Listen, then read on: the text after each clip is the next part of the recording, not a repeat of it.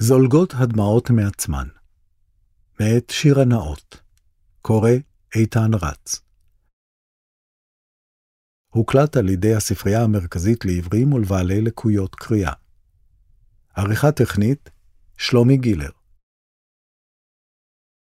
סיבוב הניצחון של הראפרים רביד פלוטניק וטונה בלייב פארק ראשון לציון הקיץ, שש הופעות סולד אאוט שבמהלכן צפו בשניים 90 אלף איש, הוכתר בכמה מקומות, ובהם עיתון זה, כאירוע המוזיקלי של השנה. אבל אפילו הכותרות המשתפכות נדחקו הצידה כשבהופעה הראשונה קרה אירוע חריג. במהלך השיר יום חדש, שביצעו השניים יחד עם ניר דגן בגיטרה אקוסטית, טונה, איתי זבולון, בכה. גם בשנת 2023, העובדה שגבר בכה מול אנשים היא כותרת, אבל הדמעות האלה הן הניצחון של הגבריות ששני הראפרים הביאו למוזיקה הישראלית. גבריות רגישה יותר, פתוחה יותר, פגיעה יותר וישירה יותר. היום כבר אפשר לראות את הגבריות הזאת אצל ראפרים צעירים יותר. ראפרים כמו שי, בלולו, וודו דדי, שי טרה ליטמן, אופירי וליעד מאיר, שמרמזים בשירים שלהם על דימויי גוף מורכבים, השיר ילד לבן, שמן ועשיר של ליטמן למשל, על התמודדויות נפשיות שהשירות הצבאי הוא לא מקורן, אל תנסי להבין אותי של אורי בלולו, או זה הכי אני של יעד מאיר, ובשירים שמתייחסים למערכות יחסים, אפילו על מקומות מגומגמים מול נשים, קשרים של פרינזון או חוויות של חוסר הצלחה. אח לידיד של אופירי הוא אופירי יוגב, או גברת טיקטוק של רביד פלוטניק. גם אצל כוכבי פופ צעירים כמו עדן חסון ואליאב זוהר, אפשר לראות את ההתייחסות הרגשית הפתוחה במיוחד. בשיר "גדל לי קצת זקן", למשל, מתוודה חסון על בריונות שחווה כילד. ובשיר "שדים בעיניים", זוהר מתייחס לסכסוכים פנימיים בנפשו.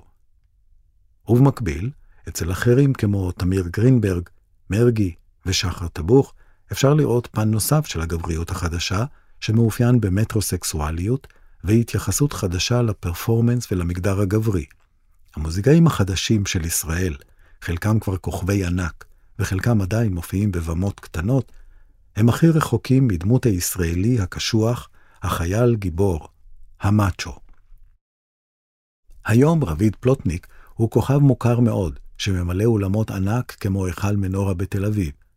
אבל כשהוא פרץ למיינסטרים בשנת 2017, היה נראה כאילו הוא הגיע משום מקום. באותה שנה, בסדרת הדוקו בית פזמון, ששודרה ב-yes, וניסחה את סיפורה של החברה הישראלית דרך הפזמונים הגדולים שליוו אותה, הוא אמר, מצ'ואיזם? לא יודע, אף פעם לא הרגשתי.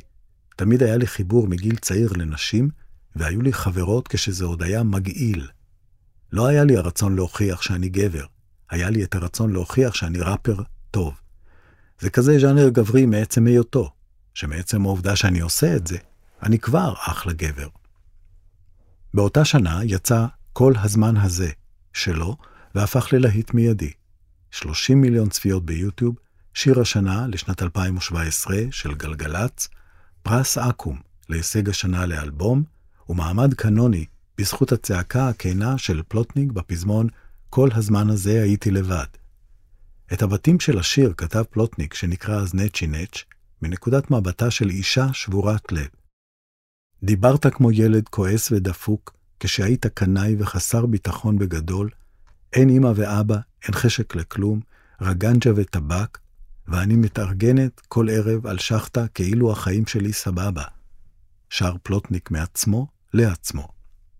שנתיים קודם לכן, גם טונה, איתי זבולון, הוציא שיר שמדבר על גבר שבור והצליח לפרוץ איתו אל המיינסטרים בשיר "גם זה יעבור", הוא נקרא, בו הוא פונה לחברו ואומר לו, אם זה כואב, אז זה כואב. אני פה, אם תרצה ככה לשתות, לשפוך את הלב. קשה לראות אותך דועך. ההצלחה של השירים האלה לא הייתה הפעם הראשונה שבה גבר שאינו מאצ'ו כובש את המיינסטרים. עידן עמדי, עידן חביב, או נתן גושן הרגישים והנוגים, שלטו במצעדי הפזמונים תקופה ארוכה עוד קודם לכן. אבל זה היה צעד קדימה בנכונות לפתוח הכל ולדבר על רגשות גם מצד גברים שלא נתפסים מראש כרגישים. אלה כבר לא היו הגברים, שם כללי, שבוכים בלילה, אלא האומנים עצמם. חברי להקת ההיפ-הופ, שזמת, שמעו גם הם את השירים האלה. כשאנחנו רצינו להתחיל להיות ראפרים, זה היה בתקופה הזאת, מספר גדעון טרגנו, אחד הסולנים בלהקה. ראינו את טונה ואת נצ'י נץ', אנשים שנראים בערך כמונו, ולא בהכרח שרים על מכוניות ואקדחים וכמה בנות הם מזיינים. זה ממש נתן לנו את ההבנה של, אה, ah, אפשר לעשות ככה, גם אנחנו יכולים. הלהקה מונה שבעה חברים, ובאלבומים הראשונים שלהם הם כתבו על המצב הכלכלי, על אהבתם לכדורגל, ועל נושאים בחברה שהעסיקו אותם. לפני כמה שנים איים מתח בדינמיקה בין חברי הלהקה להרוס הכל. זה התחיל בריב פיצוצים בין אשכן, ניר אשכנזי, אחד משני הראפרים בלהקה, לעיתוי, המתופף איתי גרינברג. והבנו שזה ייפתר רק בלשבת במעגל ולהדליק נרות בבית שלי ושל טומי המנהל שלנו, מספר טרגנו. הייתה הרגשה שהשיחה הזאת תפרק את העניינים, אבל אז קרה בדיוק ההפך. זה לא יידרדר לריב ולצעקות, זה נשאר שיחה על רגשות, והבנו שזה כלי שייטיב איתנו אם נשתמש בו פעם בכמה חודשים. אשכן ממשיך אותו. ואז יצרנו את הכלי הזה שאנחנו קוראים לו שיחת ליטופים. מין מרחב בטוח כזה. מתוך המרחב הבטוח הזה נוצר אלבומה השלישי של הלהקה, שיחת ליטופים, יושק בהופעה באמפי שוני ב-26 באוגוסט, שעוסק בעיקר בגבריות ובמשמעות של להיות גבר במציאות נוכחית. הגעתי לתובנה שהחבר'ה שלי יודעים עליי הכל חוץ ממה שחשוב, אשכן אומר. אין לי בעיה להתקשר לגדעון כשאני עם שני פאנצ'רים בשלוש בלילה באיילון ולהגיד לו, בוא לחלץ אותי. אבל אם עכשיו אני בתקופה רגשית, קשה, אני לא אדבר איתו על זה, כי זה לא נהוג אצל גברים. כשניגשנו לאלבום, הבנו שאנחנו רוצים לדבר על עצמנו, ושיש לנו צ'אנס להבין את העניין הזה, איזשהו גבר חדש. להראות אותנו, קבוצה של גברים, הכי לבנים, סטרייטים וסאחים, שאפשר לדבר בה על רגשות, בלי שזה יהיה היפי. לאופיר יוגב, שכיום מופיע כראפר בשם אופירי, והפיק שירים לאקו, ג'יי למוטה וג'ני פנקין, היה מודל חיקוי אחר כשהחליט לכתוב שירים. הוא היה אז בכיתה ה' והריץ את סבלימינל והצל. אבל בכיתה ו' כבר חתכתי, הוא אומר, כי ראיתי איך ילדים קטנים יותר שרים מילים כמו תרימי את החולצה, תמי נזכר תורידי, תני לי, אז פשוט הפסקתי עם ההיפ-הופ. כבר אז הבנתי שזה מזעזע. כשחזר לראפ, בזמן שלמד בבית הספר רימון, זה כבר היה בתנאים שלו. כמו במציאות, ככה גם במוזיקה. אני משתדל להיות נחמד. לפעמים זה מבלבל לעשות משהו שהוא לא בדיוק לפי חוקי הז'אנר. אתה נגד הזרם בעל כורחך, אבל רציתי להגיש את עולמי החמוד והנחמד, להביא את הצרות הקטנות שלי.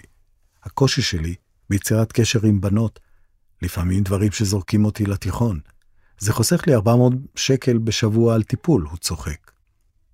בניגוד לאופירי, הראפר וייב איש, אור שושנה, לא מתאר את העולם שלו בתור נחמד, אבל בדומה לו, גם הוא כתב שיר בשם גשם, מהאלבום האחרון שלו, איזה מזל, על חוויות של חוסר ביטחון.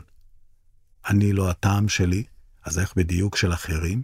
וכשהם מתקרבים מספיק הם מריחים את הפחד שלי, זה שמכירים אותי לא מפצה כבר על תחושת האף אחד שלי. ובשיר אחר, בשם 24 בינואר, התוודה בפני אמו על הקשר המורכב שלהם. היום מרגיש השם בפנים, אני חי את החיים שלי, את בחדר עם הכאבים.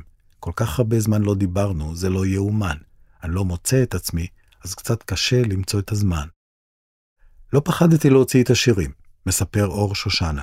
זה אולי אירוני, כי כששיר יוצא הוא נהיה של כולם, אבל אני מרגיש שהקהל שלי מבין אותי, ותומך בי, הוא אומר, ומסביר את המניע העיקרי ברצון לחשיפה הכנה. כמו שהקהל שלי דוגרי איתי, אני צריך להיות דוגרי איתו. המחשבה על גבריות חדשה, רגישה ופגיעה יותר, עוברת לך בראש בזמן הכתיבה? אני לא חושב על זה במודע, אבל להכניס את המחשבות ואת הרגשות האמיתיים שלי לשירים זה משהו שחשוב לי לעשות. אני חושב שכולנו, גם נשים וגם גברים, צריכים לאמץ את זה ולהיפתח יותר. יש איזו ציפייה של החברה לגבי איך שגברים ונשים צריכים להתנהג. מסרטטים לנו קווים. אבל חשוב לי להעביר הלאה את מה שאני עובר. הרבה פעמים גם יותר קל לי להיחשף בשירים מאשר בחיים. ואם אתה יכול לעזור לאנשים ממה שאתה כותב, זה יותר חשוב מהפחד שלך להיחשף או ממה שיגידו. הראפר שי, יואב בן אבי, שמתייחס בשיריו להתמודדויות נפשיות מורכבות, עם מילים כמו אל תשאל אותי למה חיפשתי תמונות עירום של גלי עטרי. הללויה, ביום שתמצאו אותי תלוי, אתם תדעו, מה שקורה בנפש לא רואים כלפי חוץ. מתנער ביתר תוקף מניסיון להדביק לו תווית כלשהי של גבר חדש. אני מייצג את עצמי ואני לא מאצ'ו.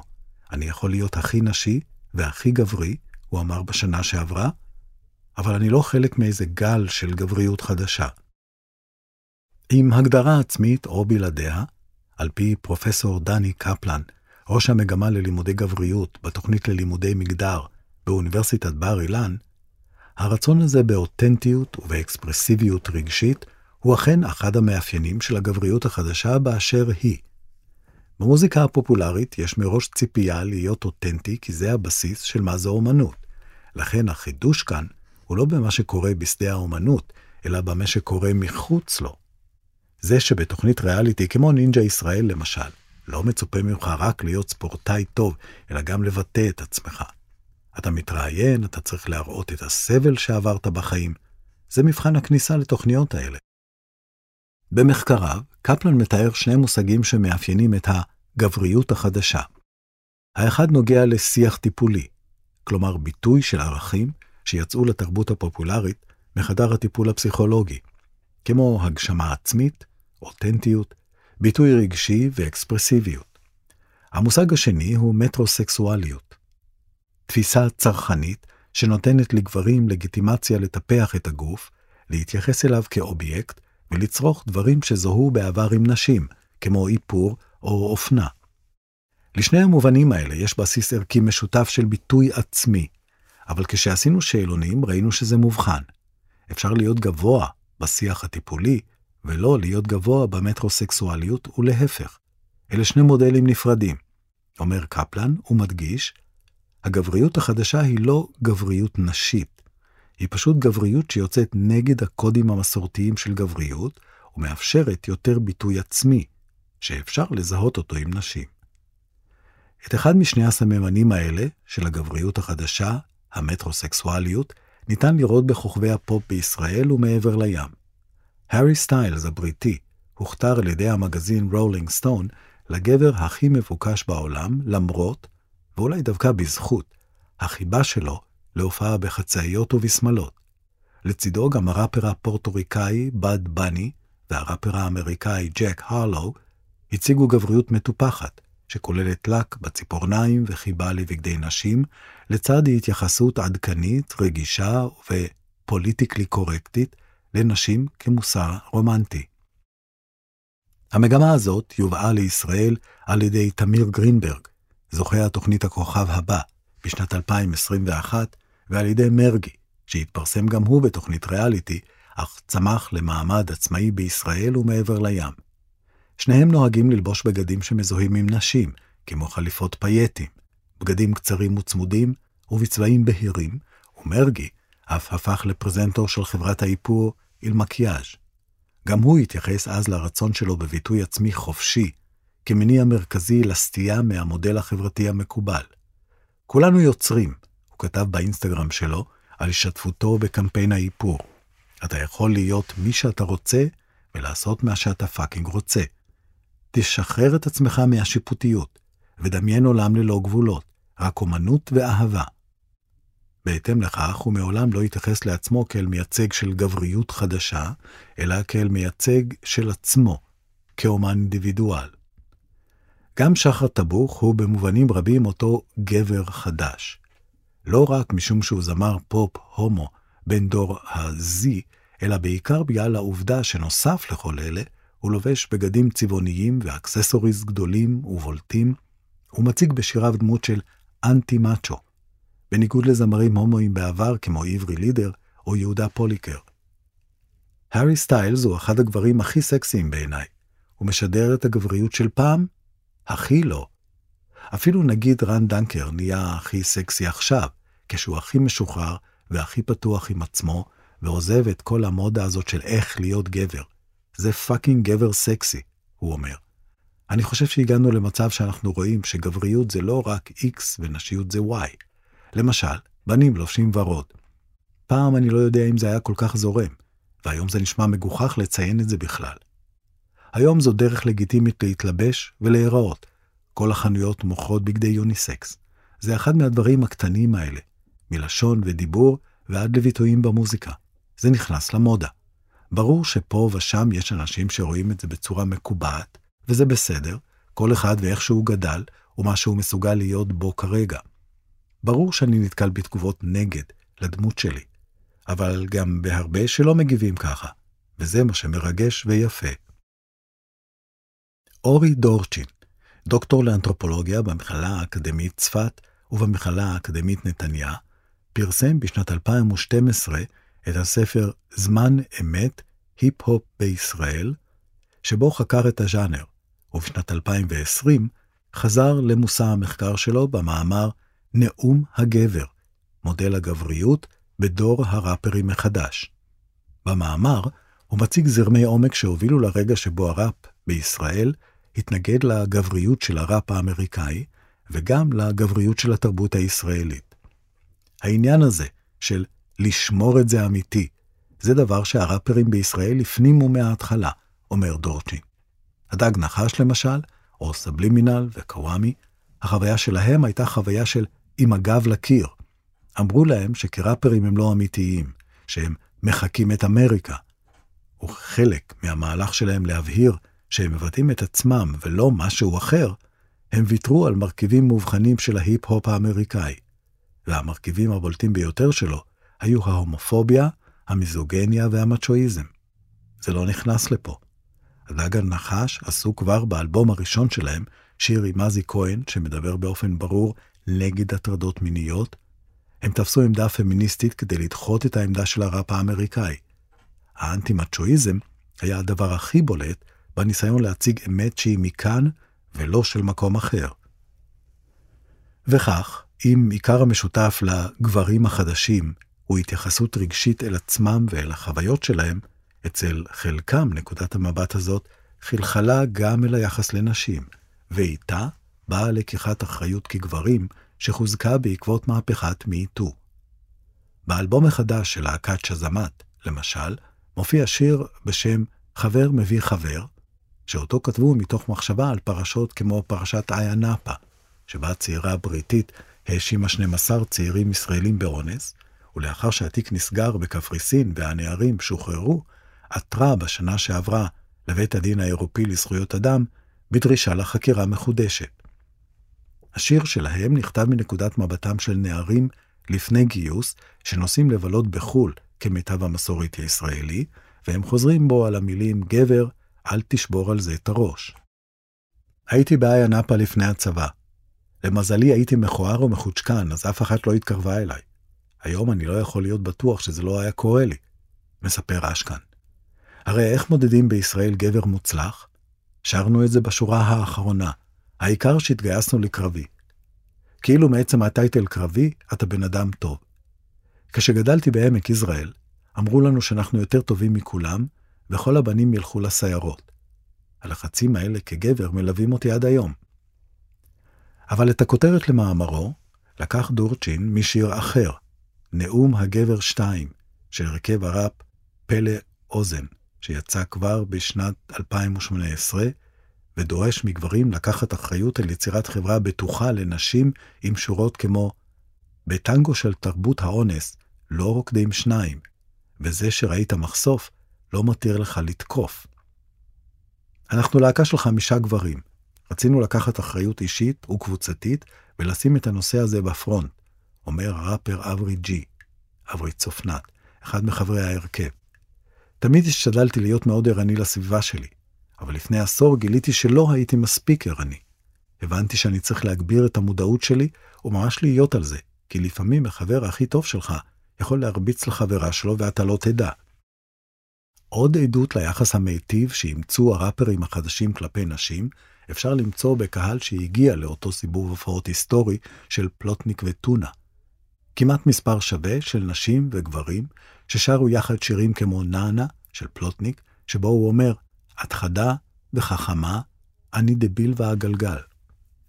מודלים של הגבריות האנטי-מצ'ואיסטית אינם תופעה חדשה לגמרי במוזיקה הישראלית. שלום חנוך סיפר בסדרת הדוקו בית, פזמון, על השיר אדם בתוך עצמו, שיר מכונס ופגיע ביחס לאותה תקופה. לא כתבתי אני, כתבתי אתה, אבל התכוונתי אליי, הוא אמר. חשבתי שזה יותר חזק כשאני מדבר אליי, מאשר כשאני אומר אני כזה. שלמה ארצי סיפר באותו פרק שהוא מזדהה עם חנוך. גם אני כתבתי גבר הולך לאיבוד ולא כתבתי אני. באותו פרק הוא גם סיפר, אני זוכר שאבא שלי אמר לי, מה זה השטויות האלה? מה זה האגומניאקיות הזאת? את מי זה מעניין האתה הזה שלך? והוא ערער לי את כל המחשבה. לאורך השנים, לצד המאצ'ו הישראלי ודמות הצבר, הופיעו מפעם לפעם במוזיקה דמויות גבריות שהיו פגיעות וחשופות יותר. יהודה פוליקר, ישראל גוריון, מתי כספי וצביקה פיק למשל, לא היו בדיוק יפי הבלורית והתואר. גם במוזיקה המזרחית הייתה מסורת של שירה קורעת, עצובה ומרגשת, וזמרים עם קול גבוה כמו פאר טסי או ישי לוי. דורצ'ין מתייחס במאמרו גם לקולות האלה, ובפרט לאביתר בנאי, כדוגמה לשינויים קודמים בדמות הגבר בתרבות. השיר "מתי נתנשק" מתבטא באופן חשוף ומבטא כישלון ביחסי מין. קשה להעלות על הדעת את שלמה ארצי ושלום חנוך מבטאים משהו כזה. הצורה החשופה והגלויה הזאת לא הייתה קיימת לפני כן, והראפרים ממשיכים את המגמות האלה ולוקחים את זה שלב אחד הלאה. והשלב הזה, כפי שמספר קפלן, הוא ביטוי למגמה שחלחלה יותר מאי פעם אל החברה הישראלית. המחקר שלנו מראה שהיום לכולם יש קרדיט לבכות, הוא מספר על אחד הממצאים שלו, שלא פורסם עדיין. ציפינו שיהיו הבדלים אצל אנשים בעלי השכלה והכנסה גבוהות, אבל לא היו. ניסינו לברר מי הם הגברים החדשים בישראל, והתשובה הייתה, כולם. היום כל אחד בארץ מזדהה כגבר חדש, ללא קשר לאתניות או לסטטוס סוציו-אקונומי, כי זה הפך לשיח דומיננטי בחברה הישראלית, כפי שזה הפך להיות בעולם בעשורים האחרונים. הראפר וייב, איש חושב שגם למגמה הזאת קשורות הרשתות החברתיות, שמעודדות ביטוי רגשי קיצוני לכל כיוון שהוא. רק שאם פעם אנשים היו משוויצים בסטורי על החיים היפים שלהם, מצלמים את הרגע היפה ביום ומראים את הטוב, אז עכשיו אני מרגיש שזה הפוך. אנשים מנסים להראות כמה הם אמיתיים, כמה עצוב להם. הוא אומר, נוצר טרנד נגדי, תראו איך קשה לי ואני עצוב ונפתח. בנים ובנות פותחים את המצלמה בטיקטוק ובוכים. זה נהיה מגניב להיות פגיע, ובאיזשהו מקום, גם זה בעייתי. קובי מרימי, שייצג את ישראל באירוויזיון 2019, ובכה על הבמה בתום הביצוע שלו, בחצי הגמר, בטח לא יסכים לגבי הבעייתיות. כשבכיתי באירוויזיון ממש התרגשתי. זה אחד הרגעים הכי מרגשים בחיים שלי. אז הייתה מצלמה שצילמה אותי מתרגש. מה, אני אעצור את זה, את מה שאני מרגיש? למה? כולנו בוכים.